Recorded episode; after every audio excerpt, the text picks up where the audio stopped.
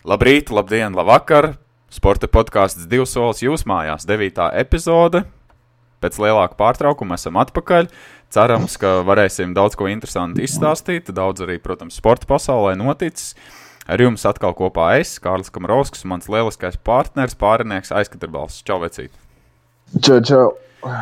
Nu, ko ķersimies, vērsim pie ragiem, ilgi nekavēsimies. Uh, Daudz, nu, ka... Tik ilgi nekavēsimies, nekā cik, cik ilgi ir periods starp 8 un 9 sēdēm. Šī ir ļoti laba piebilde. Bet vēl pirms mēs ķeramies pie runājumiem tematiem klāt, es gribētu pateikt paldies uh, portālam Sporta centrs par to, ka tagad arī mūsu podkāsts divsols ir klausāms portālā Sporta centrs uh, sadaļā klausītava, kur uh, varat arī mūs klausīties un kur varat klausīties arī citus foršus podkāstus, uh, ko latvieši taisa. Jā, paldies sporta centram. Un uh, futbols. Futbols būs pirmais temats, par ko šodien runāsim. Un varbūt nedaudz drusciņā atgriezīsimies tādā senākā pagātnē, proti, uh, par Latvijas izlasi, parunāsim par futbola izlases. Uh, Sniegumu kvalifikācijas turnīrā tādu lielāku kopsavilkumu varbūt uztaisīsim. Tā tad izlasē nostartēja, nostartēja it kā pēc uh, statistikas eh, vislabākā pēdējos, cik tur trīs vai četros ciklos. Grupā palika piektā no sešām komandām, tika izcīnīti deviņi punkti. Nu, ir, bija cerīgs spēles pret Grandiem, bija labi spēles pret Nīderlandi, Turciju un Norvēģiju, arī pret Melnkalni. Kā tev liekas, nu, to ciklu vispār varam ar tādu pluszīmi vērtēt, ņemot vērā, cik mēs daudz esam runājuši, cik lielā pagrabā tā futbols vispār ir bijusi? Pagaid, tu teici, ka mēs palikām 5. no 6. vietām, no 6 vietām? Jā, jā. Nu, tas varbūt, man liekas, ir tīri skatās statistiski. Nu, liekas, ka tur nekāda diža izmaiņa nav, bet, uh, bet no spēļu viedokļa, cik man nācās redzēt, protams, visas spēles neredzēju. Bet uh, cik ir nācies redzēt, nu, vismaz tās spēles ir kļuvušas skatāmas. Un neitrāli līdzekļiem beidzot ir. Nu, vismaz, ir, vismaz Latvija ir sākusi spēlēt futbolu kaut kādu, bet vismaz ir, un tas jau, man liekas, ir daudz. Un, uh, Un, ja daudz saka, arī ir citāds viedoklis, ka nu, zemākais punkts ir, ir bijis, nu, tad, tad vienīgais, jā, ja, ja dibens ir sasniegts, tad dziļāk vairs nav kur krist, un tad tikai laikam uz augšu var kāpt. Tikai tā augšupēja būs cik ātra vai, vai, vai, vai, vai, vai nemainīga. Nu, tad šobrīd kaut kāda izmaiņa noteikti bijusi salīdzinājumā ar iepriekšējiem cikliem.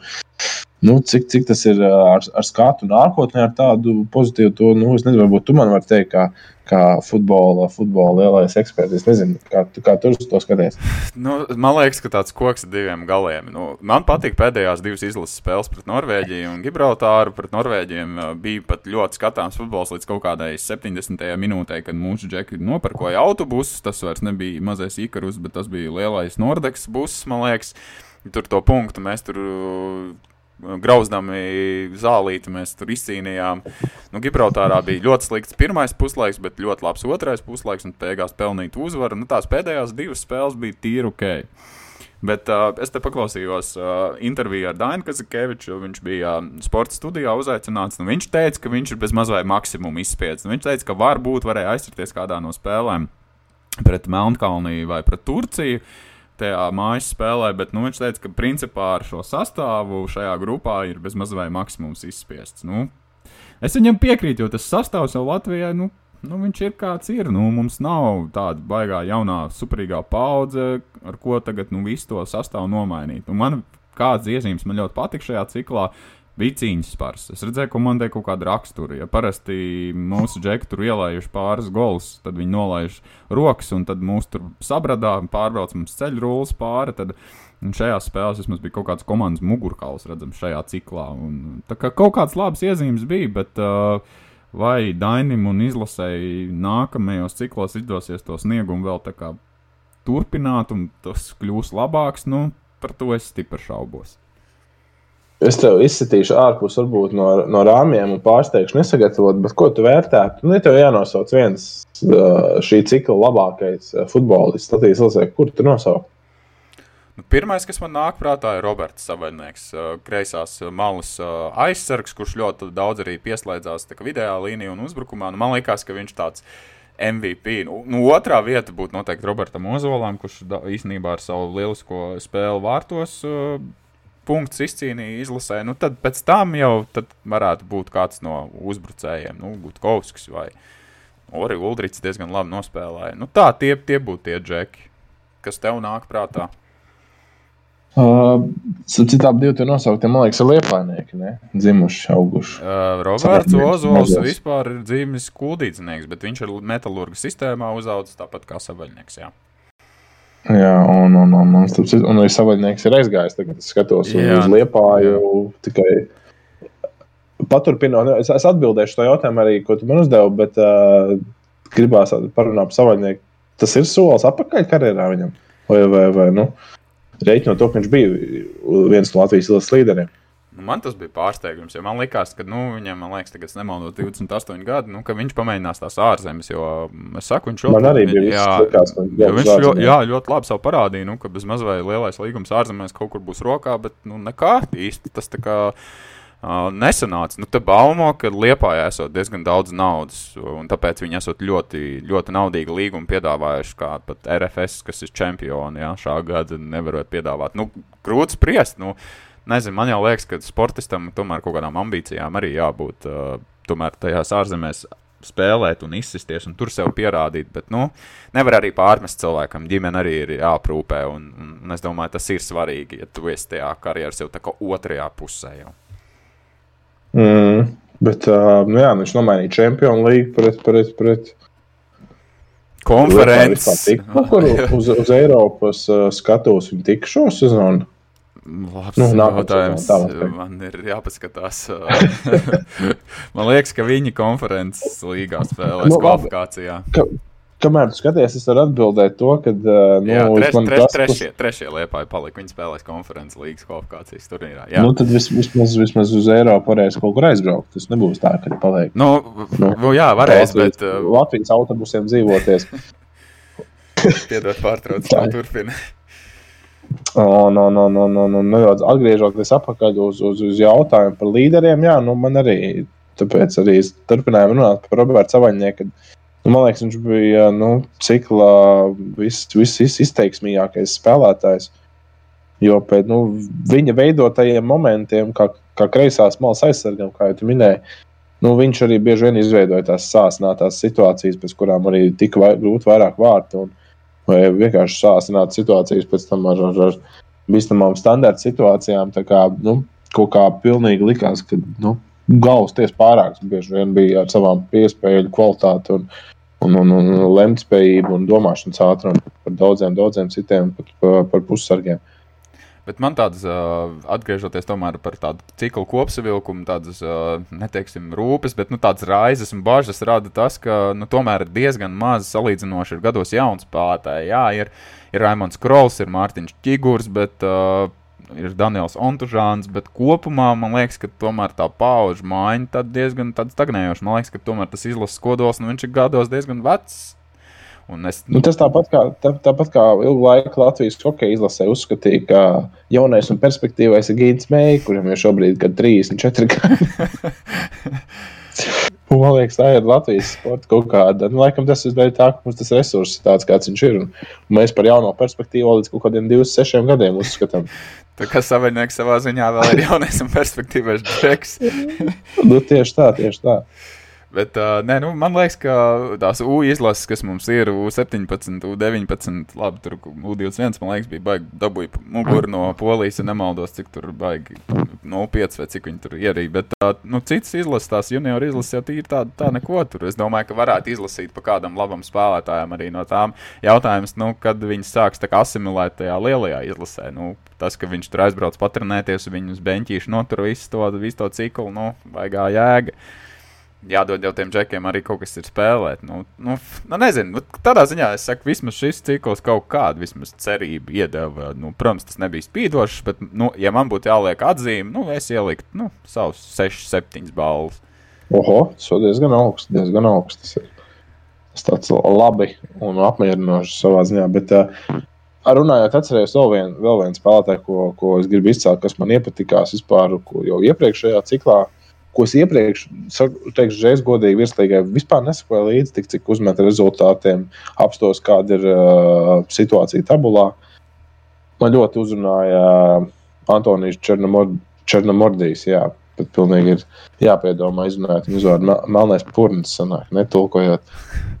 Mel, Melnpurnis. Melnpurnis, nē, viņš bija viens no aizsardzības no, no, uh, balstiem. Tev tur piekrīt. Nu, jā, nu, viņš, viņš ļoti nu, neraksturīgi Latvijai ir tāds, nu, atgādina tādu nedaudz uh, Sergio Ramos spēles stilu, tādu agresīvu, dažkārt uz ļoti tuvu tādas noteikumu pārkāpšanas robežas, bet, nu, tādu nepiekāpīgu, nu, kas Latvijas futbolā vienmēr bija tāds, nu, diezgan mēs tā kūtri spēlējām. Tā, ai, nu, vismaz pēdējos desmit gadus. Un tas, ko mēs, man liekas, arī iepriekšējā epizodē runājām, tas vispār par visu izlasi attiecās, ka šajā ciklā pat bija redzams tāds, nu, beidzot kaut kāda nekaunība. Atkal, nu, ka mēs tur mēģinām ieķerties, ka mēs riskējam, mēs ejam uz priekšu. Nu, nebija tas, ka mēs esam kā nopērtie vilki, ja, kam tagad bailes ir iziet no savas zonas, bet bija kaut kāds risks, bija kaut kāda arī asa pretuzbrukuma momenti. Man liekas, ka nu, kopumā. Un arī bija agresivitāte. Bija arī agresivitāte, jā. kas dažkārt bija jāatzeltenās kartītes. Un, un pārlieku, bet nu, tas viss ir. Man, nu, es, to, es labāk redzu tos, viņi tiešām cenšas dažkārt pārspīlēt aiz agresijas, bet nu, mēs esam neērts pretinieks. Nevis to, ka pacēla roku gaisā un nu, nē, nē, mēs ieraksimies aizsardzībā, un pat tā ierakšanās aizsardzībā īsti nesanāk. Nu, nevelti kā... Norvēģijai bija problēmas uzlauzt mūsu vārdus. Tas viņiem neizdevās, un tā bija traģēdija, ka viņi to spēli neuzvarēja. Turklāt savā, savā laukumā, savā skatītāju priekšā. Ok, nebija Hollands, no. bet uh, viņiem tāpat meistars pietiek. Jā, tā kā, tā kā nu, no. par futbolu ir kaut kāda vismaz. Redz, bija diezgan iemesls garai, garai sarunai. Jā, vai ne? Nu, labi, es pateicu savu atzīmi. 6, 6 starp 7, 6,5. Cik tu lietas par šo ciklu? Nu, es nezinu, man grūti ir ielikt septiņi, jo nu, tomēr nu, neko jau mēs nesasniedzām. Mēs sasniedzām tikai augsto piekto vietu. kaut kādu augsto piekto vietu. Es domāju, nu, tas stabils kaut kāds četri vai pieci arī tas ir. Nu, tas ir sekmīgs, bet nu, nekas diži vairāk. Viduvēji, jā.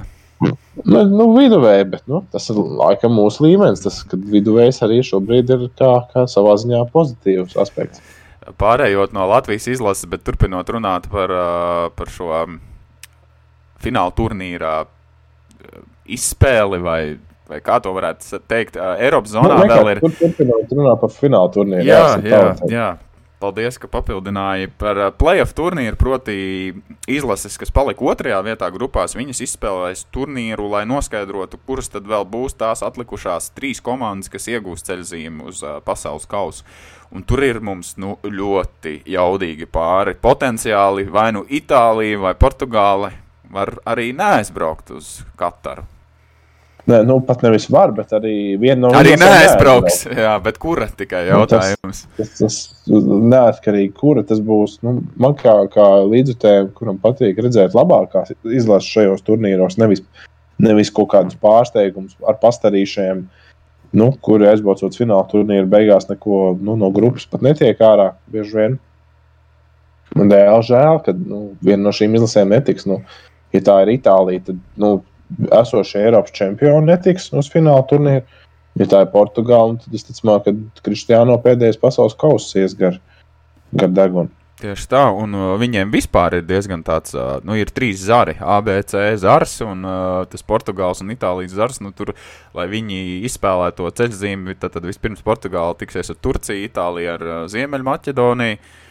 Nu, viņiem ir visgrūtākie. Viņi jau, jau savā starpā tiksies. Nu, visticamāk, bet nu, Turcija arī tur var visādi brīnums tomēr pret Portugālu izstrādāt. Nu, bet man liekas, tas, tas, tas zars ir visspēcīgākais, vēl visšvakākais liekas Āzars, kur ir Vels, Austrija, Skotija un Ukraina. Nu, tas liekas visas viena līmeņa komandas, tur reāli jebkura no tām četrām var tikt. Nu, tur ir tāds, tāds nezināmais, jā, nu, varbūt līmeņa ziņā ne no Austrijas un Ukrāņa jau nav tās, ja skatās Eiropas čempionātā tādās vadlīnijās, ka nav tās švakākās, bet nu, jā, viņas ir laikam vislīdzsvarotākās. Nu, jā, nu, tas pēdējā čempionātā gan Velsa, gan Skotija arī tās izlases piedalījās. Nu, kā, bet uh, par B, B zarā ir Krievija, Polija, Zviedrija un Čehija. Nu, arī līdzīgi līdzvērtīgas. Nu, tur noteikti favorīti varētu būt poļi. Pagaidām, poļus jau tu nosauci. Teici, Polija, Krievija, Zviedrija un Čehija. À. Nu, tad, nu, Polija visticamāk, bet uh, nu, kas vēl Zviedri arī bija pagājušā fināla turnīrā diezgan labi sniegumu rādīja. Nu, Čehija taču izsit Nīderlandi, piemēram. Tā kā, grūti spriest, nu arī abas izlases. Bet, nu, protams, vislielākais uzsvars sev ir par to, vai, vai, vai kura no izlasēm Portugāla vai Itālija lidos vai nelidos. Mm. Tas ir tiešām, nu, kas, nu, pat īstenībā grūti teikt. Man, vai Itālija nebūs, nu, zināmā, tomēr. Tā kā Eiropas čempionātā viņi bija, nu, tomēr Bonucci bija jau, jau gados. Nu, viņi varbūt ir bišķiņi. Viņi bišķiņi. Nē, ap divi jau viņi. Abi ir diezgan jau karjeras otrajā. Tāpēc, pusē. tāpēc es domāju, nu, piemēram, viņi varētu pasaules kausa, vispār, mēs neaizbraukt. Vai, vai Itālija nebūs, nu, ja tā valkot, ņemot vērā, ka gribās redzēt spēcīgāko, vai, vai tik tā nebūs tomēr uz pasaules kausu Portugāli, jo Portugālē ir diezgan labi paudžu mājiņa sākusies. Jā, es tieši to gribētu pievienoties par to, ka ka viņiem ir ļoti labs sastāvs, kur pat sastāvā ziņā uz papīra varbūt pat Portugāla labāk noteikti izskatās, lai gan pašreizēji uh, čempioni Eiropā ir Itālija. Nu, nezinu, grūti spriest, tas ne tik, tik grūts jautājums. Es nezinu, man patīk Itālija labāk, bet arī Portugālē ir uh, ļoti labi spēlētāji. Un, pff, Nu, es varu pateikt, piebildu tikai tādu šā visa kontekstā, ka izlases ir pašas vainīgas. Ja viņas nebūtu palikušas otrajā vietā, bet grupas uzvarējušas, tad nebūtu šādi jautājumi. Viņas būtu automātiski kvalificējušās. Nu, ja nemāca, abas divas viņas, man liekas, diezgan muļķīgi pazaudēja tās spēles. Jā, jā, jā. ja nemaldos, tad Itālija pret Šveici tur zaudēja punktus, jā, jā, un Portugāla pret Serbiem. Jā, un Šveici un Serbija izgāja kā pirmās. Jā, jā. Šveice ir ok, bet Serbija, nu, Serbija gan ir diezgan neregulārs šo, nu, pat pasaules, pat Eiropas čempionātā, neregulārs dalībnieks no pasaules kausā. Tā kā es saku, kāda no šīm izlasēm, kura netiks fināla turnīrā, nu, viņi var vainot tikai pašu sev. Kad... Un tas man patīk, ka ļoti futbolā, kas nav basketbolā, ka arī kvalifikācijas spēlēm ir ļoti, ļoti liela nozīme. Nu, ka tur arī piedalās. Nu, arī vislabākie. labākie. Mm. Un, ka tur ir atļauts viņiem piedalīties. Tas nav tā kā basketbolā, kad cīnās kuri tur entie sastāvi, un tad aizbrauc uz, uz, uz, uz, uz, uz, uz to pašu fināla turnīru, pilnīgi cits sastāvs. Jānis un Pēterīts izcīnīja, bet aizbrauc Jurīts un, uh, Jā, uh, un nezinu, Lienīts. Lienīts, nē, bet Vilnīts. Piemēram, nu jā, tas neliekas taisnīgi. Bet uh, pārējot maz drusciņu uz uh, klubu turnīru, turnīriem un uz klubu futbolu, uh, Nu, ko tad? Ole vairs nav pie Manchester United stūres. Mums ir tagad cits treneris, vācietis Ralfs Hanniks. Hanniks. Tāds interesants vārds. Līdz sezonas beigām viņš ir komandai piesaistīts. Nu, viņš būs lielā mesija, kas glābs komandu un iekļūs viņa Premjerlīgas top 4. Oi, to es vis, vismazāk zinu teikt, jo Premjerlīgas šo sezonu vismazāk esmu redzējis. Bet, nu, Tie ir tavs viedoklis, divām ekspertiem. Nē, nē es, es saku, turpinot to, ka nu, pat nesakojot līdzi, esmu informēts, cik sūdīgi Manchester spēlēja. Ar, ar, nu, vai, vai tas bija trenera? Trenera nopelns šajā sliktajā spēlē, nu, nu, to jau laikam tikai laiks rādīs, bet uh, nu, nu, ļoti īpatnējā, ka tādu sastāvu var kaut kas nesaslēgties. Un tas ir tas, ko es gribēju tieši bilst nu, par, par Ulīgu un ar Solskjēru. Man liekas, ka viņš vienkārši nevarēja tās zvaigznes savā kopā nodot uguņus vai samotivēt viņus kaut kā. Jo tā kā mēs sakām, nu, reāli uz papīra, nu, viņiem būtu jācīnās par titulu, par, par, par divnieku, par trīnieku, četrniekā. Nu, viņiem taču nebūtu jābūt abas Manchesteras komandas. Uh, Liverpool un Chelsea. Nu, tas tas top 4, kas vienmēr arī Anglijā ir bijis, nu, kas sadalās tās to čempionu titulu un tās čempionu līgas vietas. Nu, Nu, labi, Čempionu līgā viņi tika ārā, tik, tik ārā no grupas Manchester, bet uh, kā būs Premjerlīgā, ej, nu, ne, nu, tu saproti. Bet es, es, es tieši gribēju piebilst, ka, ok, es saprotu, Premjerlīgā var, var tik labi nesaslēgties, jo tiešām ir jaudīgas komandas pretī, tas, tas līdzi, tas augšgals ir, nu, nu tiešām top, top no Eiropas, Eiropas top klases. Bet Champions League viņi mocījās par diezgan nu, viduvējiem klubiem. Nu, Bīlera Reāli un uh, Bernes Young Boys un Atalanta. Jā, nu, tie, tie... Nu, labi, Atalanta vēl tāda laba komanda, bet, nu. Nu, arī, nu, kur nezinu, nu, protams, nu, Champions League nespēlē sliktas komandas, bet tā, tā nav pret nu, Premjerlīgas augstu. PSG tas nav, un Madrids Reāli tas arī nav, jā. Nu, tie, tieši tā, tā kā, nu, tā kā Man liekas, tie bija tie lielākie trauksmes zvani, ka tur nebūtu Ronaldo. Un par to mēs runājam, nebūtu Ronaldo. Es domāju, pat vispār, kur viņi būtu šobrīd. Otrajā tā būs pusē. nezinu, 12, 13. Bet uh, es zinu, ka mēs, ka mēs nebijām par šo plānošanā, bet es gribēju tomēr pajautāt, vakar bija Balona Delora balva, kur uh, Messi kļuva par uh, atkal septīto reizi par labāko futbolistu. Es tev gribēju jautāt, tev neliekas, ka Roberts Levandovskis tika diezgan smagi uzmests, ņemot vērā, cik viņš lielisks ir Bayern komandā bijis? Nu, jā, un, un nē, bet tā kā no vienas puses, ko Levandovskis ir neskatoties uz Bajana sasniegumiem, sasniedzis šo sezonu. Nu, neko. Bet tā kā Mēsī beidzot izdevās uh, izcīnīt uh, Copa Amerikā titulu ar, ar, ar, ar, ar Argentīnu. Nu, viņam par to jau teica, ka, ka ja viņš izcīnīja, kad viņš izcīnīja to, tad jau palielam visu jau teica, ka, nu, ka šī gada balona d'Or ir nu, skaidrs, ka nu, viņš, viņš jau diezgan vienpersoniski to nu, kad jau viņam jau pienākās, jau tajā brīdī jau bija skaidrs. Bet man liekas, nu, ka Lemondovskis, nu, viņš arī, nu, kā mēs runājam par Messi un par Ronaldu, ka viņi ir roboti un pārcilvēki, ka viņi tur, es atceros, vienu brīdi katrs pa 60, 70 vārtiem sita sezonā. Nu, tagad man liekas, ka Lemondovskis ir tāds robots, kas vienkārši ir monstrs, kas tikai tur viens, viens vārds pēc otriem gūst. Nu, man liekas, ka tas tā ir balvai vispār būtu bijis forši, ka beidzot kaut kas cits. Nu, jo zināmā mērā nu, viņi jau ir tomēr karjeras norietā abi divi džeki. Nē, ir, protams, un, un, un, un, un ka tādas ciplanētieši, es domāju, tik drīz tik pārspīlēti galvas tiesu pārākus nu, neredzēsim. Kas būs tik dominējoši un garlaicīgi, kad, kad sacensība notiek tikai starp diviem spēlētājiem. Tas ir vienkārši fenomens, ka viņi, cik, cik viņi tur ir. Man liekas, ka kopā viņiem abiem ir 12. Ja nemaldos, man liekas, ka 7 ir Messi un 5 ir Ronaldo. 7 Messi, jā, un Ronaldo uz sitienu nepateikšu, 4 taču viņam ir. Nu, vienot sakot, nu, cik, cik pasties veselu dekādu, kur vienkārši neviens cits nav iegūs. Nu, tā, tā kā fenomens, jā.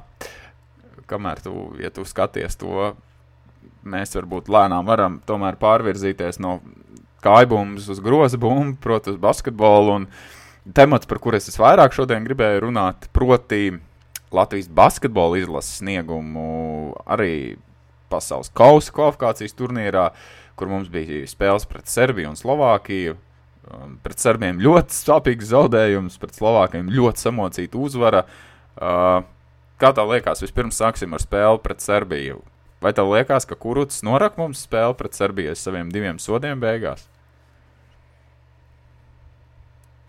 Uh, tu vari vēl vienreiz atkārtot. Uh, Es saku, ka spēles, spēle pret Serbiju mums bija nu, skaists zaudējums, kārtējais skaistais zaudējums, bet beigās uh, divas sodas uztaisīja muļķīgas. Man liekas, Rodions Kuruts, kā tev liekas, vai viņš varētu būt tas grēkās tam zaudējumam pret Serbiem? Oh, jā, jā, es jau redzēju, ka šo tu biji jau rakstījis jau, jau, jau mūsu skriptā pirms, pirms, pirms ierakstīt. Es negribētu piekrist, ka tas bija Rodions, kas būtu tas, tas galvenais grēkāzis. Uh, zaudējumu. Jā, varbūt tā piezīme bija tāda nu, muļķīga, varbūt tāda nu, Rodionam, man liekas, ka. Nu, Jo tiesāšana, var redzēt, pēc viņa spēles stila ir tāda nedaudz pie, pie, pie, pievilkta ar aiz, aiz, aiz matiem, tāda, ka silp katru sīkumu. Bet, uh, bet es nedomāju, ka, nu, ka tas bija tas brīdis. Jo viss beigās to gāja, kad Nu, es, es domāju, ka tāpat iemetuši neskatoties uz to radionu piezīmi. Nu, kas man krita acīs, nu, ko mēs ar uh, manu čomu kolēģi Uģi, mēs pie viņa skatījāmies spēli. Uh, Mēs smējāmies par to, kā atnāk Teodosičs jā, savos tur, smējāmies tur savos 45 gados, lēnām, mier, mierīgam, mierīgi pīpēdams uziet laukumā un visus mūsu mazos tā kā stāvošus, tā kā konus apspēlēt, aiziet un visu laiku līdz no groza apakšas iegāž. Nu, tas liekas nu, vienkārši nesaprotam, kā tik daudz brīvi metienu groza apakšā tika atļauts serbiem. Nu, ka, nu, aizsardzība šausmīgi brīžam likās. Cik labs bija uzbrukums mūsu komandai, tik briesmīgi likās aizsardz, aizsardzība. Es būšu briesmīgs, es teikšu, nu, ritīgā caurstaigājumā sēta tur bija.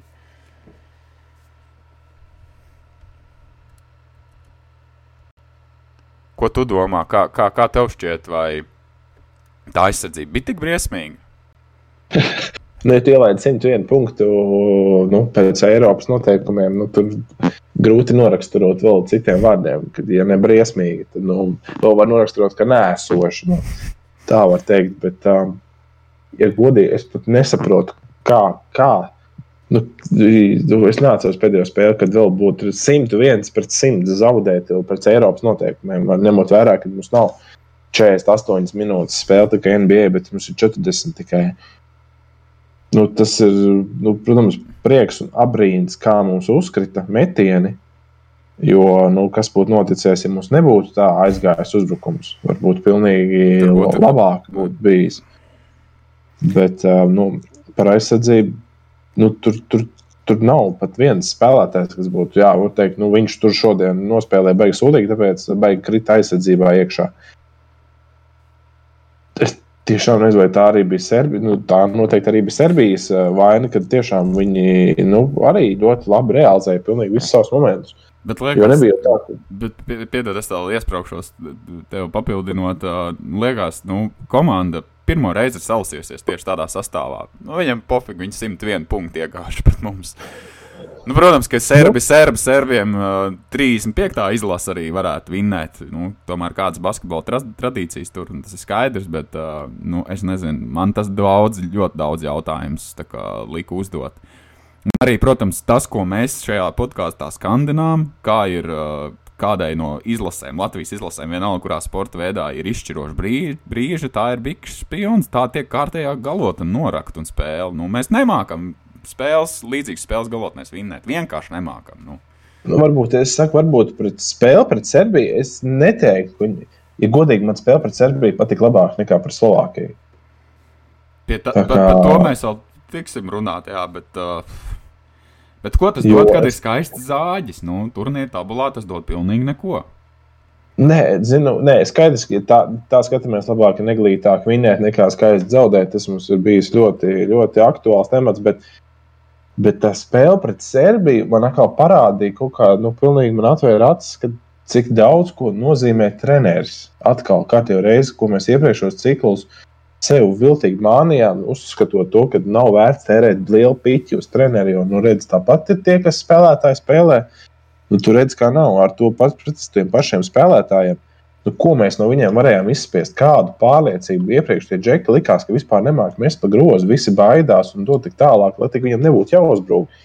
Tagad visi bija gatavi mest, bija, nu, nezinu, nu, visi bija karī, nu, Lomašs vispār bija Baltais, jā, nu, Stefans. Es tieši gribēju teikt, cik sūdīgs bija Lomačs pret Bulgāriem, kad Štelmachers vadīja izlasi. Tik viņš bija superzvaigznes pret Serbiem un pret Slovākiem. Nu, es nezinu, nu, tur redz, tas viss ne... ir. Nu, ko, ko, ko nozīmē tā, tā pārliecība, ko dod treneris, kā viņš samotivē, saslēdz kopā komandu. Un, es saku, strūns ar tiem serbiem. Nu, gan jau, kad mēs viņiem esam zaudējuši. Cik, cik mums ir bilants? Viņiem kaut kāda 12-0. Neviens, neviens uzvars mums nav. Jā, nu es gribētu teikt, 12, 0, nu, 0 12 būtu pareizāk teikt. Strunce to visu vienu punktu. Mēs bijām ļoti tuvu, jo bijušas spēles ar Kristofru Porziņu, ka mēs viņiem pa mīnus 10 zaudējām, kad likām bija labākais sastāvs.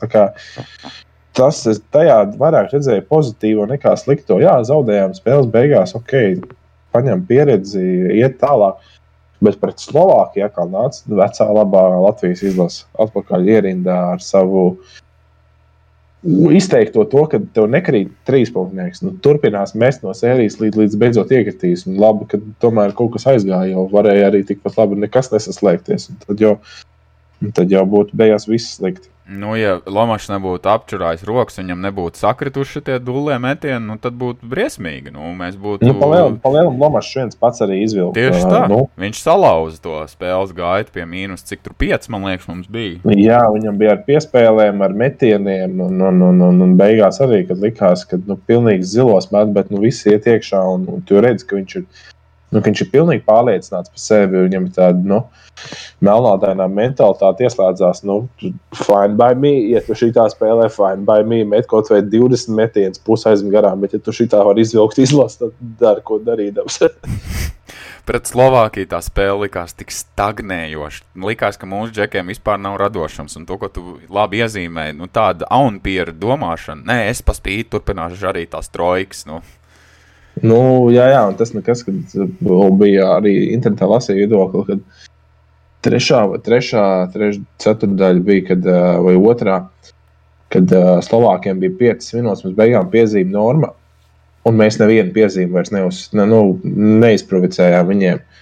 Jo mēs uzteikti turpinājām mest uh, tālos metienus. Mēs negājām cauri, mēs negājām cīņā, mēs negājām cauri gājienos, un kaut kā atmest atpakaļ uz to pašu trošu, ja tu tik ļoti gribi mest. Bet, bet skrien, ej, mainījies, iespēlēji garajiem. Man jautājums par garajiem, kāpēc Andrzejs nespēlēja pēc, pēc otrā puslaika, bija trauma vai kas. Viņš ļoti labi iestāja, iegāja spēlēm, likās diezgan, diezgan dominēja viņš savā ziņā garajā galā. Piekrītu, arī nezinu. Jo brīžam es arī nesaprotu, Luka banka kaut kādas lēmumus, nu, ar maiņām ir tīpaši. Bet, nu, varbūt viņam arī vēl tā komanda ir jāsajūt, jo nu, tajā priekškvalifikācijas turnīrā tur jau arī tas sastāvs tomēr bija drusku citādāks nekā tagad. Tagad atkal ir citi spēlētāji. Nu, tā. A, kas, tev, kas tev konkrēti nu, saka, tev nepatīk viņa lēmuma, vai nesaprati kaut ko varbūt? Jo man iegodīgi. Aigars Čēlis ļoti nepatīk nevienā no spēlēm. It īpaši pret serbiem likās, ka muļķīgi metieni, kaut kļūdas. Pareizi norādīja. Aigars Čēlis pat dzīvi nepatīk nevienā spēlē. tas, ko tu pareizi norādīji pret uh, Slovākiem, kāpēc Andrzejs vairāk nespēlēja, nu, tā man, nu, man nebija saprotama kaut kāda lēmuma brīžam, un arī nu, Nu, viņš redz arī bankai, nu, ka neiet tā spēle. Nu, Pamaini tajā zīmējumā kaut ko. Nu, pa, pasak viņiem taktiski, nu, darām šitā, nevis tā. Nu, nu, nu, kaut kas man līdz galam nepārliecināja.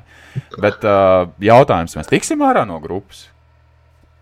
No grupas mēs tiksim, bet no kāda bilants mēs tiksim ārā? Jo, jo tie jau ņem tikai uh, nu, bilanci no tām nu komandām, nu, kas ir tālāk. Nē, visa bilants iet līdzi. Nu, labi, nu kāda tev, bet, nu, piemēram, ja Slovākija paliek pēdējā, kas visticamāk arī tā arī būs. Nu, mums, piemēram, nu, ir divas uzvaras, uz... un nu, cik tur. Tev jau tā uzvara pret Slovākiem neko nedod. Tev dod uzvaru par tālāk, pret, nē, pret... Nu, uzvaras pret Beļģiem vai, vai Serbiem. Nē, nē, protams, jā. Vēl jau vairāk visi samaisīs tas, ka Beļģija izdomāja uzvarēt uh, Serbus. Un es domāju, ka mums pret Beļģiju būs ļoti, ļoti grūts spēles. Bet mums tas var nākt par labu, ka viņi uzvarēja Sērbusu, jo nu, šajā nekas nav mainījies. Būs divi apaļi, ne viena spēle izbraukumā, viena mājās. Jā, jā. Nu, tieši tā, nu, redz, mums bija spēle Serbijā ar mīnus vienu zaudējumu. Nu, nu, ja mēs tāpat spēlējam Latvijā, nu, pa, pa, nu, vienu, vienu punktu starpību atspēlēt mājās ir daudz vieglāk nekā tos pašus mīnus desmit. Un tas, ka viņi Beļģiju uzvarējuši Serbiju, nu, tas jau vien parāda to, ka turnīra tabula būs ļoti tuva. Nebūs tā, ka tev jādominē visās spēlēs, jāuzvar, lai, lai tikai iziet kā, kā pirmajiem. Līdz ar to tagad mums tā iespēja, nu, mēs zaudējām vienu no divām spēlēm. Nu, tas nozīmē, ka vēl viss, viss ceļš ir atvērts. Pirms beigļi ir šausmīgi pielikuši savā tehniskajā, ne, nekādā tehniskajā, bet tādā nu, ziņā, man liekas. Te vispār basketbola izpratnē un, un kā, kā izlase, kā tāda pēdējos gados. Tā kā, nu, beigļiem būs ļoti, ļoti interesantas spēles, bet nu, uzvarot beigļus. Nu, tur tā būla varbūt izstīties arī ļoti interesanti beigās. Nu, es teikšu godīgi, mēs tiksim ārā no grupas, bet mēs uz pasaules kausa nebrauksim. Es esmu tik skarbs, es, es neredzu pie šiem apstākļiem. Diemžēl tas, ka Latvijas izlase nespēlē labākajā sastāvā un ka vēl joprojām ir šis uh, konflikts starp uh, FIBU un ULEBU un ka nevar spēlēt Eirolandes spēlētāji, nu, tas mums ļoti, ļoti iegriež. Bet vai jautājums, vai no Eirolandes spēlētājiem, nu, kas mums šobrīd ir Eirolandā, ir strēlnieks, kurš ir Šmits. uz izlasi? Nu, Šmits vēl. Nu, Strēlnieks, kurš uz izlases visticamāk nebrauktu dēļ tā, ka viņš ir palicis ļoti traumatisks. Nu, tas jā, nu, Šmits, Šmits, jā, un tad vēl Artūrs Kuru, Kuruts. Nu, un tad ir jautājums, vai Šmits un Artūrs Kuruts būtu tie spēlētāji, kas radikāli mainītu Latvijas izlasi un teikt, o jā, Te mēs esam jau, jau, jau galvas ties pārāk, jau, jau tur ir līmenis cits. Es domāju, ka nē. Šmits iedod kaut kādu jā, savu veidu agresiju, bet viņš nav, nav tas, tas džeks, kas paņem bumbu savā rokās, kā lomašs un nokārto spēli. Bet nu, vienīgais, man liekas, tāds pozitīvais, tāds cerības stariņš visā šajā bija Lomačs sniegums. Mēs jau arī runājām pirms tam, ka Turcija viņam ir ļoti laba pārliecība iedavusi. Nu, ka redz, jā, solīts atpakaļ dažkārt var būt, nu, tāds, tāds solīts, nu, tu atkāpies vienu solīti, lai, lai pēc gada spērtu trīs soļus uzreiz. Jau. Man liekas, ka viņš, viņš, jā, ka viņš šajā ciklā, nu, vismaz šajās divās spēlēs, ir pierādījis, nu, ka viņš tomēr ir Eirolandes līmeņa spēlētājs. Nu, viņš Nečs arī Turcijā ļoti labu sezonu aizvada, ir līderis, spēlē daudz, klubs gan ritīgi ierīja visiem pēc kārtas, bet es domāju, ka viņš tajā pašā Turcijā varētu būt interesants kādam, kādam lielākam klubam, kas arī Eirolandā spēlē. Noteikti. Bet, uh, Pārvirzoties uh, no izlases uz individuāliem basketbolistiem, uz uh, uz NBA turnīru, kas notiek. Uz džekiem, kas tik bieži nespēlē izlasē. Jā, es, gribē, es gribētu uzdot tev jautājumu, kur pazudis ir Dārzs Bērtāns vai kas noticis ar Latvijas lāzeru? Tas ir pilnīgi Mājus. galīgi nosēdies un nosprādzis. Es atvainojos. Man liekas, Dārzs Bērtāns ir ujienā vienkārši. Viņš šo sezonu vēl nav īsti, viņš ir daļēji aizbraucis. Viņa ēna tikai šobrīd atrodas un spēlē. Ja? daļa no lāzera kaut kur aizbraukusi uz Ameriku. Jā, kad, nu, ja likās pagājušā sezona, kad mēs tur teicām, jā, tur Covid izčakarēja, viss tas sezonas sākums nebija saprotams, forma nebija laba, viņš pats atzina. Šogad viss bija, visi priekšnosacījumi bija, nu, kārtīgi starpsezona, viss zināms, kad jāsāk spēlēt, kas ko kā. Spēle vispār neaiziet, dabū ātri traumu, jo visticamāk, traumu viņš dabūja tā, ka ķermenis kaut kā varbūt īsti nav gatavs. Tieši tā spēle nevadās nevienā brīdī. Dāvis izmisīgi turpina mest trīs punktus, kā Latvijas izlase spēlē pret Slovākiju. Kaut kas, kaut kas nav. Kaut un, un, es, un es ceru, ka tas nav, nu, ka tas ir tāds vienkārši īslaicīgi bedri, ka tas nav psiholoģisks tāds, nu, panīkums, kā Andrim Biedriņam savā laikā. Nu, man liekas, tas tik traki, jā, jo Dāvis diezgan labi, taču vasarā viņš arī izlasa prie, tajā priekškvalifikācijas turnīrā. Viņš ļoti labi spēlēja, viņš bija viens no izlases līderiem. Man arī likās, o, baigi labi, viņš būs labi, tā kā būs tāda laba viņa, nu, tā NBA sezonai. Bet, nu, nekā, nu, pilnīgi liekas briesmīgi. Džeks ar 81 miljonu dolāru līgumu pilnīgi pazudis kaut kur laukumā. Nezinu, es arī domāju, ka tas ir psiholoģijas jautājums. Nu, jā, un tagad ir īpaši no tās tā visa bedres, kālu. Kad Vašingtona ir kļuvusi par beigot tādu puļītāju komandu, kad viņam būs vēl grūtāk atcīst atpakaļ savu pat ne minūtes, bet tieši tikt pie tā metiena izkārtotā, kas viņam ir tas svarīgais. Viņš pats savu metienu īsti nemāk izkārtot. Uh, viņam būs baigi, baigi smagi. Jo, zin, kā, zaudēt var ātri, bet tikt atpakaļ tajā visā, nu, tas viņam būs, būs reāli ļoti grūti lasot Twitter, Twitter pasauli, atkal jau, protams, kā spēlētājiem neiet tā sāk virmot baumas, kaut kādas baumas sā, sāku lasīt, eh, dzirdēju par Minnesotas variantu, nu nezinu. Tagad Varbūt viņam ir. Vašingtona nekad nav patikusi. Bet arī Minnesota nav gluži labāks variants. Nu. Bet varbūt, es atkal, zināms, kad skatāmies tikko, tikko skatījāmies uz Lomažu variantu. Solīt zemāk, lai pēc tam kāptu tālāk, jo, nu. Jo, nu, NBA ir NBA. Tur sliktas komandas nu, nav. Palielam. Ja tu atceries, mēs jau arī domājām, ka viņš, kad Dāvs no San Antonijā pārgāja uz Vizardiem, mēs arī domājām, ka tur būs pilnīgs čau un pilnīgi garām, bet nu, tas viņam deva vēl tieši otrādi, atkal tādu izrāvienu karjeru. Nu, tas, tas tieši, tieši Vašingtonā jau iedeva to lielo līgumu, jo tā pirmā sezona, kad viņš aizgāja uz, uz Vašingtonu, jau bija izcila. Viņš arī aizbrauca uz, uz, uz zvaigžņu spēles, trīs punktu metienu konkursu. Nu, ja, tā kā es nezinu, nu, tur Katrā ziņā, nu, katrā ziņā man ļoti māca liels bažas par dāvi nākotnē komandā. Un nezinu, kas viņam ir jādara. Protams, viņš ir lielmeistars un viņa tās fenomenālās sniperu īpašības mēs nenoliecinām no vienā brīdī, bet nu, kaut, kaut kas nav kārtībā. Nu, Lāzers tur ir galīgi no aizstāvēts garām pagaidām. Īstenībā ļoti, mēs kaut kā tagad runājam, arī man liekas, mēs diezgan skaidri nonācām, ka, ka dāvana rītīgi varētu palīdzēt mājiņai Lai vai cik tas eh, dažkārt sportistam var būt traki, bet viņam reāli var palīdzēt. Tas. Jā, bet jautājums, kurš viņu tagad to milzīgo līgumu gribēs ņemt? Ok, ne, tas nav nenormāli milzīgs, bet tie ir, cik tur bija, cik tie 12, 13 miljonu sezonā. Jā? Nu, tā ir vidēja alga NBA. Nu, jā, tad jautājums, ko tur tā Minnesota vispār var piedāvāt pretī. Jo, godīgi sakot, Wizards nu, šajā vasarā ļoti labi notirgoja Westbrook un ļoti labi komandu dabūja. Nu, Kaldovs Pops, Kails Kuzma, jā, Dienvidī parakstīja. Jā, nu, liekas, ka tā ir reāli laba komanda. Tagad Vizārds ir. Nu, labi, bet es tāpat viņiem neticu. Es neticu, ka viņi. Nu, playoffs, es nezinu, nu, play, play-in es viņu varbūt viņas redzētu. Play jā, nu, tur, jā, play-in play turnīrā es viņus redzu, bet playoffs es viņus, ja godīgi neredzu. Tas, ka viņi šobrīd atrodas standingos playoff zonā, stabili. Nu, tas ir sezonas sākums. Un, nu, lielākās maiņas parasti ir tieši liekas, pēc, pēc zvaigžņu spēles. Tā, tajā laikā arī nu, tie, kas sāk tajā brīdī, ir spicē augšā, tad tie arī ir tie, kas, kas, kas parāda. Jo, nu, zinā, sākumā jau nav liela māksla, ka tur jāiziet pilna sezona. Uh, varbūt, tā, bet, bet tagad, varbūt, jā, es tieši gribēju teikt, uh, tad, kad man liekas, ka, man, man liekas, ka tad, kad ir Kristaps Porziņš, mūsu vienredzes ir atpakaļ, ka viņš aizveda fenomenālu nogriezienu ar spēlēm, ka viņš rāda atkal, kāds viņš bija Ņujorkā. Kristaps atkal notraumējās. To tas ir, cik tas var būt ne, ne, nelegāli, ne, bet nelāgi. Skumji tas bija, pat gribās teikt. Tas bija tik negodīgi, jā, dzirdot, šodien skatoties highlights saprotot to, ka runa par potītas traumu, ka runa par Kristapu.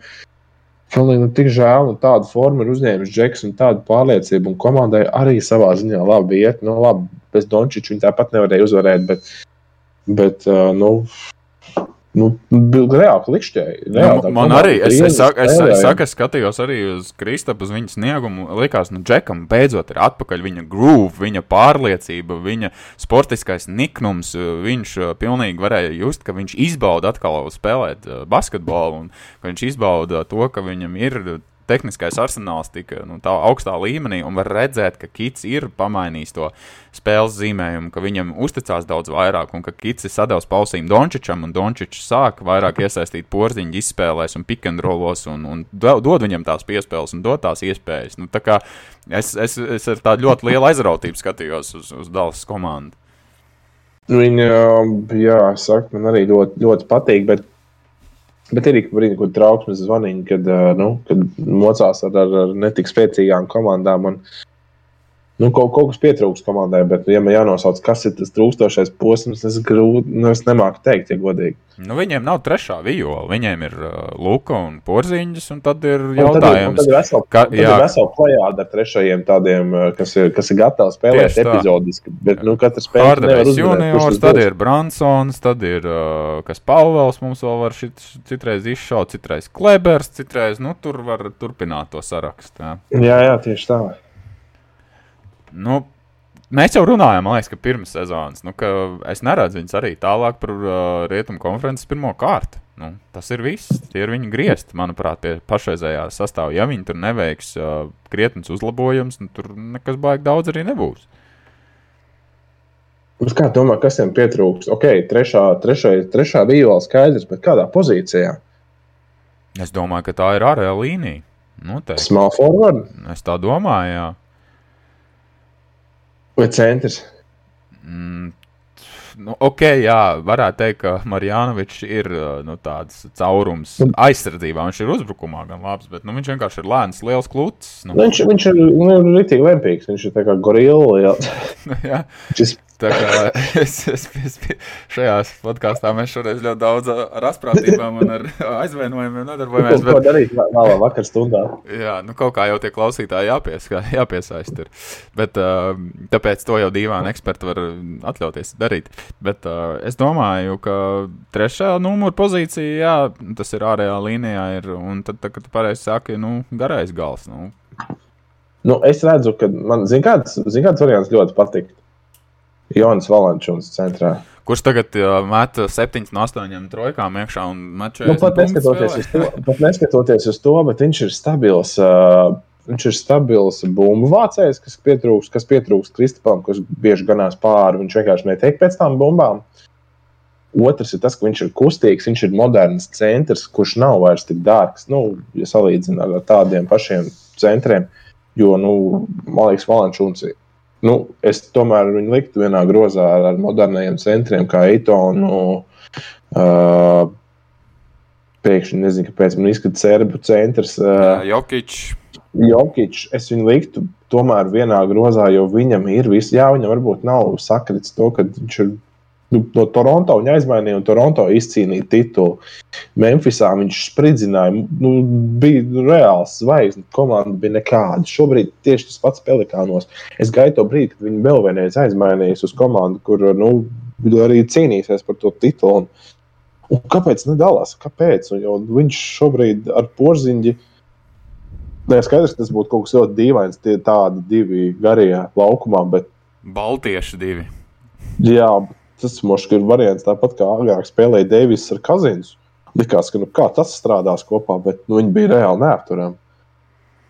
Tas, protams, tāda mana filozofija vispār ne no kā ne, neieciklējoties nekādas informācijas, nelasot, uh, ko citi prognozē. Bet... Nē, nu, tas ir skaidrs. Nu, tu izsaki savu viedokli. Es saku, nu, dīvaini eksperti, bet... ko tu, tu arī daudz ko no basketbola saproti. Bet tas būtu reāli. Man, nu, jo, saka, smalki forwardi grūti salasīt tādu, nu, ņemot vērā, ko viņi var dot pretī un ko viņi var saņemt pretī.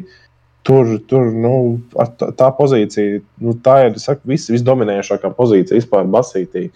Jo tā var gan vadīt saspēli, gan būt groza apakšā. Jo tas ir tāds viduspunkts uh, abām līnijām. Nu, tāds universāls spēlētājs. Jā, līdz, līdz ar to tie spēlētāji ir kā hokeja centri. Viņi ir reāli iztrūkums. Bet, uh, bet basketbolā centrs, nu, tur, tur ir tieši tas, kas. Nu, Tad, saka, nāks tuvāk trešajai deadline, tad varēsim paskatīties, kuri kur spēlētāji ir tieši nu, uzlikt uz plauktiņa. Karstākie, karstākie tā teikt, produkti tirgu. Karstākie produkti tirgu no, no Balmušu komandām no sērijas. Nu jā, bet redz, ka tas, ka tagad ir tas play-in turnīrs, ir arvien mazāk komandas, kas tankojās, attiecīgi arvien mazāk komandas, kas tirgo nost savus līderus. Nu, tā kā uh, To ir NBA diezgan veiksmīgi tomēr ar to play-in turnīru nu, sasniedzis to, ka netankojās tik daudz. Nu, tāpat jau būs komandas, kas to darīs, bet ne tik ļoti. Nu, jā, piemēram, ko dara Džons Vāls, es šobrīd nemaz nesaprotu.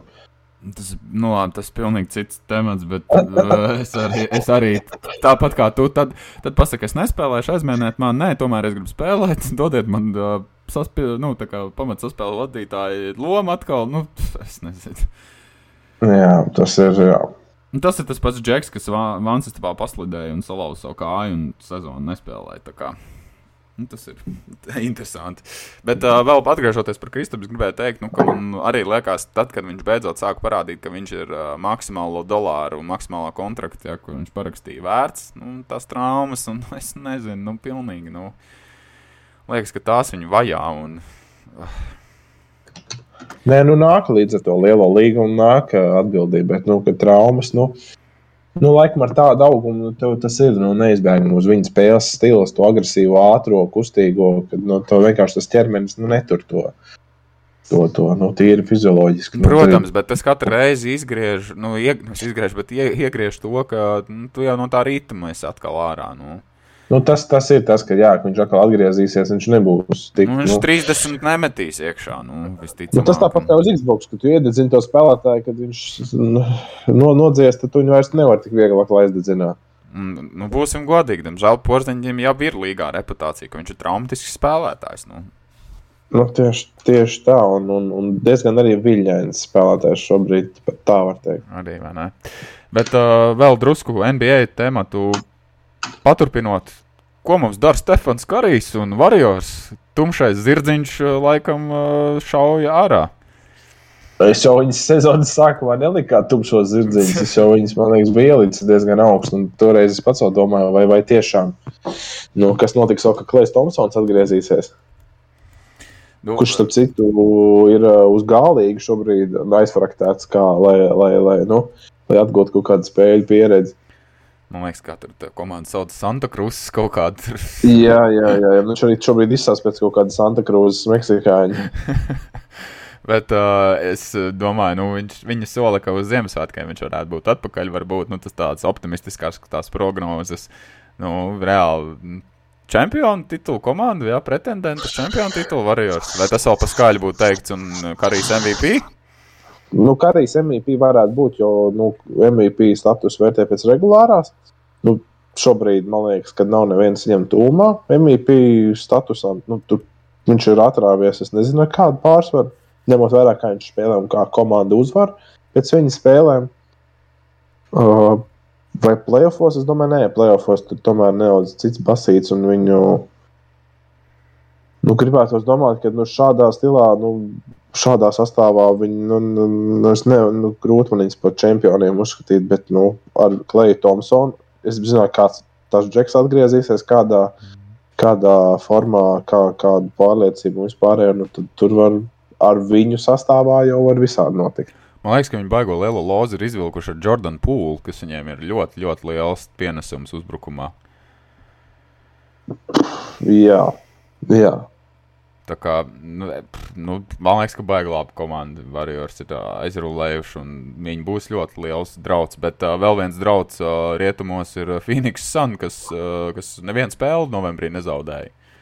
Nu, Phoenix Suns turpina to pašu, ko viņi darīja iepriekšējā sezonā līdz, līdz finālam. Kur finālā viņi nedaudz pārtrauca darīt to, ko viņi darīja visu laiku. Man liekas, ka viņi finālā tur nosēdās.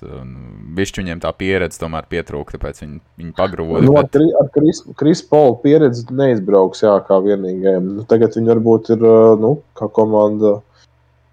Nu, jā. Nu, viņi iespaidīgi izskatās, nu, būsim godīgi. Nu, viņi kā ir atkal Warriors, tā. Ja, ja, ja, atkal, ja par Warriors es nevarēju saprast, likās īpatnēji gadus atpakaļ, ka es Warriors neuzskatu par titula pretendentiem. Un, un, bet tieši Sants saka, laikam es pat teiktu, ka nu, viņi gan ir tie, kas varētu būt, jo viņi ir sabalansēti visās līnijās. Uh, tad uh, vēl runājot par NBA aktualitātēm. Kas notiek ar Lakers? Nu, pilnīgi gribās vārdu lietot miskasti. Nu, labi, viņiem ir 12 uzvaras un 11 zaudējumi, it kā virs pie, nu, tā kā 50%, jā, bet, nu, liekas, nu, ka tur pilnīgi ir pilnīgs čau. Es nedomāju, ka tas ir pilnīgs čaurs. Es arī nedomāju, ka tik skaļi teikt, ka viņi ir pilnīgi izskats. Viņi vienkārši vispār neiesprings uz regulāro sezonu. Bet viņš šādi neiespringstot, var pat plēnā netikt. Nu, zinot, kāda, jā, kāda ir rietuma.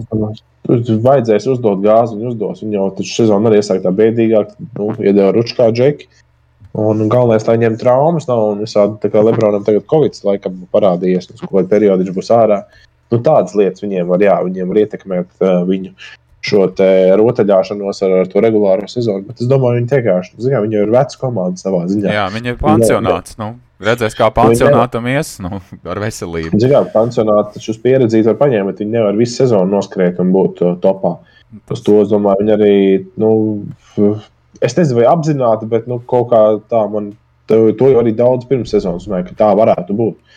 Ka viņi tiešām, nu, Lebrons pēdējos gados tiešām regulāro sezonu, nu, aizsardzībā viņš vairs vispār īsti necenšas. Bet kā nāk playoffs, tā viņš ieslēdz uh, killer režīmu. Ok, nu labi, mēs uh, saprotam. Okay. Es piekrītu tev, ka varbūt plēsofos Lakers komanda būs, bet nu, viņi taču nav titula pretendenti. Tu viņus uzskati vēl joprojām par titulu Es viņus joprojām uzskatu par titulu pretendentiem. Lakers pret Brooklyn, all game 7. Nu labi, ok. Uh, virzamies varbūt tālāk. Mēs, te, kā, Mēs kā teikt, si, es no sirds un dvēseles, un no rajona, no tēvzemes, un no kurzemes, un no vidzemes, un no visiem novadiem mēs te izrunājušies, varbūt jā, pārējiem uz hokeju. Uh, īsi varbūt mēģinām par Rīgas dīnāmo, kas nu, izskatās, ka kri krietni sāk atvadīties no playoff hokeja un šī sapiņa, kas bija sezonas sākumā. Nu, vai ir Nu, tas- īsumā, sa- īsum, īsumā sakot, cik dziļa bedra ir. Nu, man liekas, ka, Dinamo man liekas ka, kad ir dziļa un kad nu, ir laiks, kad nu, jau viņi sāks tūlīt izpārdot savus labākos. Man vismaz liekas. domāju, es atkal domāju, nē, nu, tā varētu uzskatīt līdz, līdz, līdz, līdz vakardienai. Laikam, vakar, jā, kad Krikunovs paziņoja, ka uh, treneris ir uh, nolīgts un, un, un, un šodien pirmā spēle, protams, kad vēl jau neko treneris vienas dienas laikā nevar vispār izpētīt, sap, sabietēt. Bet uh, tas parāda to, ka nu, kad karoks nav nolaists un, vai, vai baltais karoks pacelts, kā būtu pareizāk teikt. Nu, svētais jūras vēl nepadodas, bet kāda ir realitāte? vēl- vēl močī. Nu, realitāte, es nezinu. Nu, pamats, pamats tai komandai ir, resursi ir. Un, un, tur nu, diezgan dziļš šogad tas sastāvs ir. Bet vai tas vilciens nav aizbraucis? Nu, ot, tas ir tas jautājums. Spēlēt jau viņi var sākt labi, bet vai viņi paspēs sas, sas, sasmelt to izlietu ūdeni? Man liekas, ka tur punktiņi krājās tā diezgan lēni, un man liekas, ka tā starpība bija diezgan būtiska līdz plēvu zonai. 12, Div- jā. 12 punkti. Nu, Bija, jā, jā, nu, tas, ir, tas ir daudz, nu, būsim godīgi. Nu. Ņemot vērā, ka spēlē var divus punktus nopelnīt. Nu, tad tas ir sešas uzvaras. Nu, come on, nu. Nu, tas ir tā pie nosacījuma, ka Pārējie visi zāģē. Jā, jā. Tas Tā ir, kā tas tas ir vēl ne- scenārijs. Nu. Nu, es saku, ka nu, viss vilciens aiz, aizbraucis. Jā, varbūt pie krika nav spēle uzlabosies, bet kārtējais nu, playoff tas- sapnis, man liekas, izsapu, izsnipo, izsapņots. runāt. Vismaz gribētos, gribētos, lai uzlabojās tā, tā, tā psiholoģiskā daļa uz Olimpijas laika. Nu, varam netikt plēsofos, bet vismaz nu, sākt, sākt spēlēt. Jo ar kuģi babu tur pretī spēle pazuda. tiešām Džeku, man liekas, vairs nespēlē, jo nu, kaut kas pilnībā izkrita. Es nezinu, nemāku noraksturot, ka, kas notika, bet nu, nebija treneris. Džeks sāk spēlēt bez treneru palēm. Sāk slidināties pa laukumu. Un, jā, un turpinot par KHL, vai vispār mums kaut kas cits, izņemot Dienāmo, vēl ir KHL? Izrādās, ka ir, un izrādās, ka trīs latvieši ir Vladivostokā. Vladivstokas Dienāmo. Mums ir Leonīds Tamvievs, Miks Indrašs un uh, Rihards Bukārts. Bet, uh, bet, bet, bet, bet tur nav vēl lielāka bēda. nu, viņi, ir, viņi ir pēdējā līgā. Tad ir jautājums, vai viņi izrāpsies no tās bedres un tā, tā goda pēdiņās. Nu, es domāju, ka tur, ja Dienāmo ir nu, savā ziņā bēda ielē, bet nu, tur nu, to, to bēdu ielē neviens nepārspēs. Nu, tur ir viss, viss, viss sūdīgākā situācija, kad nu, iepriekšējais treneris pateica, nu, jebkurš treneris, kurš atnāk uz admirālu, nu, tur ir uzreiz tā kā, tā kā pie miesnieka aiziet. Nu, tur ir nu, sačakarē karjeras CV uzreiz momentā. Bet, uh, tas, bet tas, ko mēs pirms tam runājām, pirm, pirms ētera, nu, man liekas, ka visā sliktajā var atrast arī kaut ko labu. Nu, man liekas, tas, ka tam bija treneris. Uh, Nu, tas ir skaidrs, ka Indrašs un Bukārts spēlēs pirmajā maiņā, viņi spēlēs pirmajā vairākuma virknējumā. Nu, tā viņi, domā? es tā, tā domāju, domā? ka viņi vāks punktus, nu, kad vismaz kaut ko tas. Uh, Nē, es domāju, kad, kad, kad, nu, kad tam bija iesāknāks, viņš sāks uh, savējos kā, nu, virzīt uz priekšu. Jā, Induls ir tas pirmā, pirmās maiņas vairākums spēlēs, bet nu, Bukārts taču nav. Viņš, viņš, ir, nu, viņš ir iepriekš vairākumā spēlēja tikai sezonas sākumā. Tagad viņš vairākumā nespēlē. Es nedomāju, ka viņš arī varētu spēlēt, varbūt epizodiski, bet ne patstāvīgi. Un, un, un, un, un tā kā nu, Indrašs, jā, bet nu, vai Indraša līmenis ir Vladivostok, es nezinu, es domāju, ka nē. Es arī domāju, ka tas ir kaut kas augstāks. Nu, ko, nu, komo, nu, viņš taču nu, nemaz tik briesmīgi jau tajā Viķezā nebija. Nu. Nē, nu, Viķezā. Viķezā Sākums bija labs, bet beigas nebija labas. Nu. Ziniet, kā to sākumu ir tā, ka nu, Palielam arī tas sākums bija mākslīgs. Tāds, nu, tie tāds partneri jau baigi labi bija. Nu, tie partneri ir tie, kas ir top, top šobrīd rezultātīvākie spēlētāji. Un ieliekot vienalga kādu spēlētāju, tur ar viņiem nu, viņš lasīs tos punktus. Un tā arī bija ar Indo. Tajā pašā laikā bija vēl trešais džeks, kanādietis, kas lā, sāka vākt punktus citā maiņā, nesaistīt, redzot to, ka viņš ir arī dod pienesumu viens pats, viņus salika kopā un izveidojās super trio izņemot Tinderu no viņiem ārā, ieliekot citur. Nu, Windows bez viņiem neko vairs nevarēja izdarīt. Un tad palielam skaidrs, ka tie džeki bija tie, kas veidoja tos individuālus punktus sezonas sākumā. Ka likās visiem individuāliem ir superīgs sezonas sākums. Bet es gribētu teikt, ka tas bija, nu, diemžēl, ne viņa nopelns. Tas tā kā pie plastiskā ķirurga uzpumpē mākslīgi. Jā. Jā, skaistums šoreiz bija mākslīgs, jo nu, tie, tie punkti, kas nāca, nu, jā, protams, tev ir iespējas mest gols, bet nu, kā, kā tas viss notiek un kas, kas, to, kas to izkārto? Ja tev Indus ieliks starp McDavidu un Krosbiju, nu, viņš noteikti būs NHL viens no rezultātīvākajiem spēlētājiem, bet nu, kāpēc tā būs? Bet uh, nu, ir... vēl, vēl es gribēju tā piebilst, uh, nu, ka, nu, būsim godīgi, nu, Indrišs ir leģionārs un uz leģionāriem skatās, nu, daudz nu, stingrāk. Nu, Un Viķezā, kā, nu, pat, pat ne Viķezā, bet Krievijas klubos ir taču leģionāra limits, un ja tu neesi tik labs, ka, cik tās naudas vērts, nu, tad tur ilgi neauklējās. Tur nav vajadzība tā kā NHL vai NBA Ziemeļamerikā aizmainīt. Tev vienkārši parāda durvis un tīnies, un labi, ja tev nauda samaksā. Uh, vēl īsi par eh, KHL, turpinot eh, par tādu pozitīvu par Jāni Jaku un par to, ka viņš ir iekļuvis KHL zvaigžņu spēlē. Pelnīti? O, īstenībā, jā. Tu, nu, arī tagad tā sāk šaubīt, vai izspridzināja, jā, bet nu, viņš spēlēja labi. Viņš ir skilots aizsargs un, un, un, un līderis Sočos. Kā iesāk izlasē labi spēlēt uh, atlases turnīrā, tad uh, Nu, viņš ir šo sezonu reāli līmenī. Varbūt ne kā labākais aizsargs, bet nu, kā viens no zvaigžņu, zvaigžņu spēles aizsargiem noteikti. Kā tev liekas, vai kāds vispār no mūsējiem vēl tiks izraudzīts zvaigžņu spēlē? Nu, jau, kā mēs zinām, vēl arī nu, treneri iz, izraudzīs sastāvu, ne tikai um, līdzekļu balsojums. Es domāju, ka simtprocentīgi, ka nē. Um, ja Nikolais Lieģis nebūtu satraumējies un būtu turpinājis tāpat Viņš gan varētu būt tas, kas, Jo ir tā tendence, ka nu, viens spēlētājs no viena kluba paņem. Uh, var būt no Dienāmo kāds, bet mums neviens nav izteikti rezultatīvs. Zini, kas varētu būt? Matsons varētu būt. Nu, varbūt. Nu, var, bet, jā. nu, ja, atkal no sērijas, ko mēs uzskatām no mūsējiem. Nē, nu es vairāk tā kā par latviešu hokeistiem. Nu, tieši tā, no latviešiem noteikti neviens cits, bet, nu, ja no Dienāmo, jo ir tendence, ka zvaigžņu spēlē tomēr paņem no visa, visiem klubiem vismaz vienu labāko.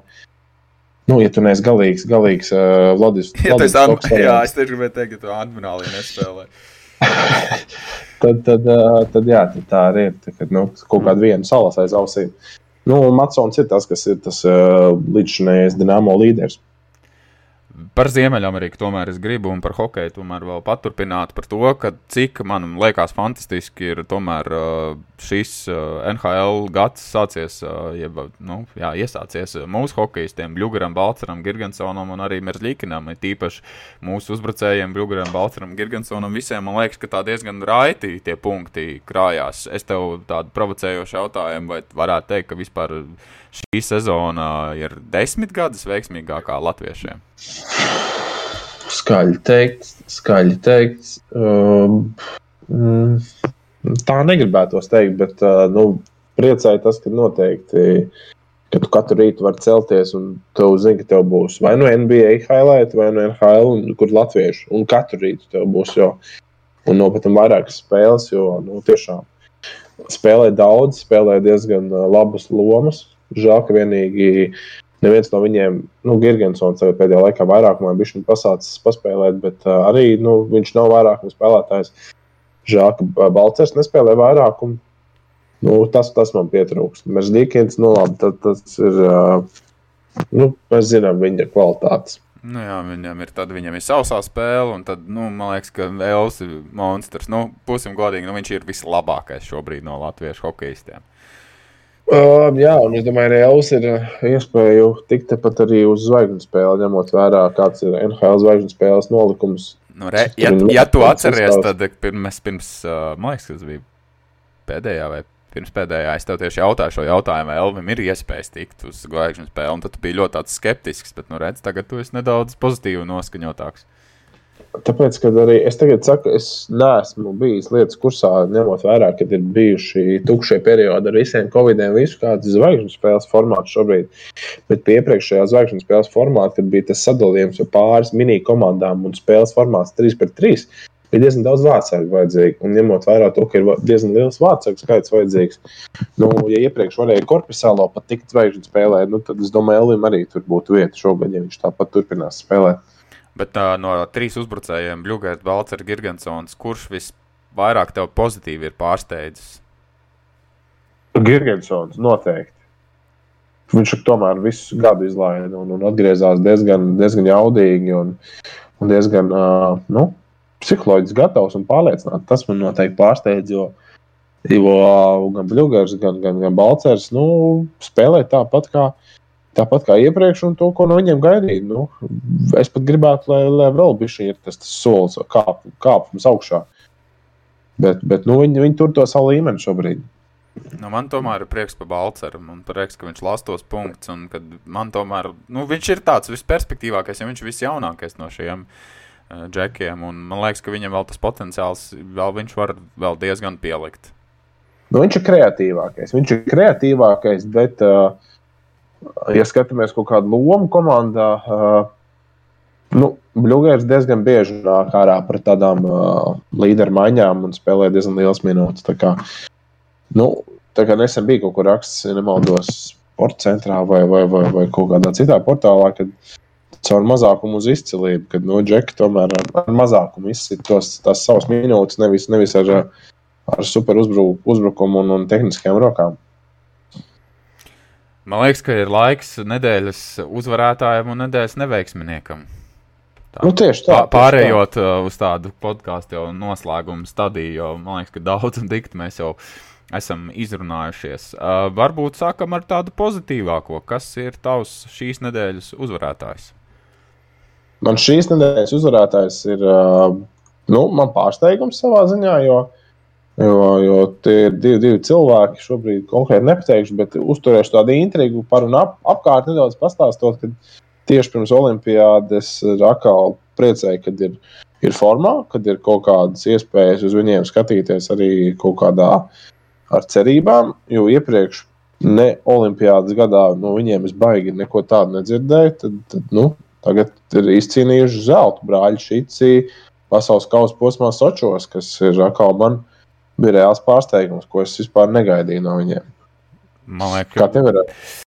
par, es gribēju teikt, ka Rēne jau mums Latvijā diezgan bieži tomēr iepriecina. Nu, vajadzētu arī tā būt, jo ņemot vērā, cik pasaulē Renes vispār ir tāda nu, atbilstoša līmeņa, kur var rīkot sacensības. Nu, būtu diezgan liels negods, ja mums tur nebūtu panākumi, ja godīgi. Nē, Nē bet zelts katrā ziņā ir liekas, ļoti nopietns pieteikums, zinot, cik spēcīgi ir vācieši, austrieši. Nu, tieši, tieši tā, un man liekas, ka šis būs tāds, ņemot vērā, ka Melbārdas nepiedalās, ka mums būs tāds diezgan tukšs gads tieši vispār Renes sportā. Jau. Mm. Nu, nu, nav neviens mums tāds, ne, du, kuri ir norietā. Bobslējā šobrīd ir diezgan liels ar Tibermani. Nu, diezgan liela tā starpība starp līderiem. Nu, nav viņi dominējoši, kā iepriekš bija Melbārdas. Nu, tad arī kamaniņās.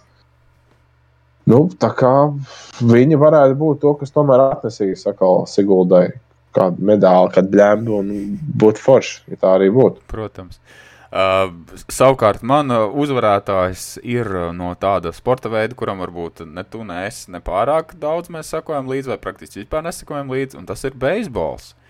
O, jā, tos taču nesakoju. Jā, bet uh, uzvarētājs ir Korijs Sīgars, beisbolists, kurš ir parakstījis desmit gadu līgumu ar Texas Rangers, un summa ir 325 miljoni dolāru.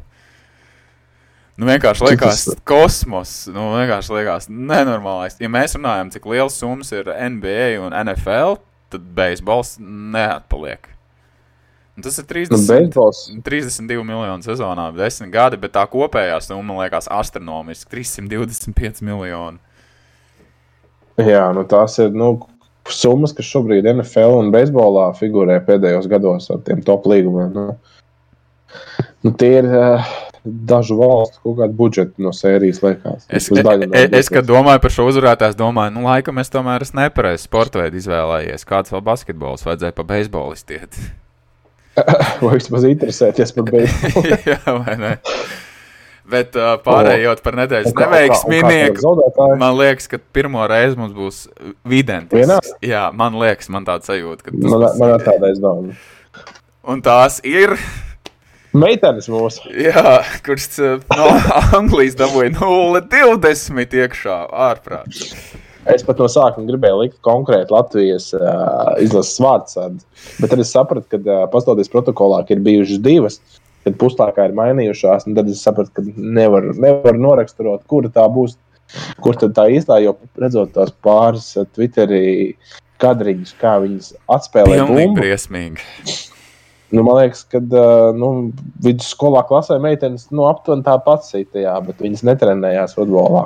Nespēlēja valsts vienībā. Ok, jā, lasot uh, arī skarbos komentārus, uh, Latvijas izlasē piecas līderis nespēlēja, bet man liekas, nu, viena alga, nu, tad cienīgāk varēja. 0,20. Nu, tas ir kaut kas tāds, ko tu kaut kādā jaun, jauniešu turnīrā, jā, kur. Nu, pie 12.0 taču var visi vārtos sastāties, un daudz vairs neies. Es domāju, viņas neiedomājās par tik radošu risinājumu. nu, tas nu, tiešām 0,20 tas ir. Nu, Četras anglietes iesita hatriku, trīs vārtus. Tad, jā, Nu, tas jau vien kaut ko liecina. Man liekas, nu, tik neveiksmīgi. Es atceros, pirms kāda laika man uh, Latvijas izlase bija neveiksmīgs, ka viņas 0,10 zaudēja. Tad jau liekas, ka tas bija super cienīgs rezultāts. Nu, 0,10 arī hokeja mēs bieži vien esam kaut kam zaudējuši. Tas ir tāds, ok. Nu, Nu, parāda to, smagi, ka bet, ritīgi- bet, bet jā. Bet, nu, jā, nu, nu, nu, nebija, nu, nebija nesagāja, bet, nu, vismaz, nu, tu neesi tāds sev, ka tur vienkārši pieauguši veči pret bērndārzniekiem kāvās, nu, no sērijas, nu, tāpat var izstīties. Nu, e- es, es, Bēdīgi, es bēdīgi. nezinu, man pat nav ko baigi piebilst, jo liekas, pilnīgs bezcerts un briesmīgi. Nu. No vienas puses, tad ir jautājums, nu, kāda vēlme pēc vispār spēlējiet. Nu, tu taču, man liekas, savu morāli vispār sagrauj ar tādu spēli. Nu, jā, nu, un es nezinu. Nu, Oh, man pat nav vārdu. Ir, ir tik slikti un ir tik briesmīgi, jā, ka nav ko piebilst. Nu, es varu piebilst tikai to, kā tu teici. Jā, nu, viss Twitter pasaule ņirdz pa mums. Nu. Latvija jā, atkal kaut ko izceļās, un, protams, tas ir kārtējo reizi ne ar to pozitīvo. Bez mazā rekorda, jā. Anglijas lielākā uzvara futbolā. Jā, 20 vārdu ārprāts. Tas jau pēc kaut kāda cita sporta veida izklausās. Nu, jebkurā sportā, kur, kur jāgūst vārti, nu, tas ir daudz. Jā, taisnība. Jā. Nu, ko, man liekas, esam diezgan varonīgi un interesanti visām tēmām šodien izgājuši cauri. Tā kā vēlreiz Jā. gribu pateikt, tev paldies. Gribu pateikt paldies visiem, kas klausās, kas uh, klausās līdz beigām. Klausieties mūsu tagad arī jā, sporta centra uh, portālā, uh, sadaļā klausītava, un uh, tad jau tiekamies kādās citās epizodēs.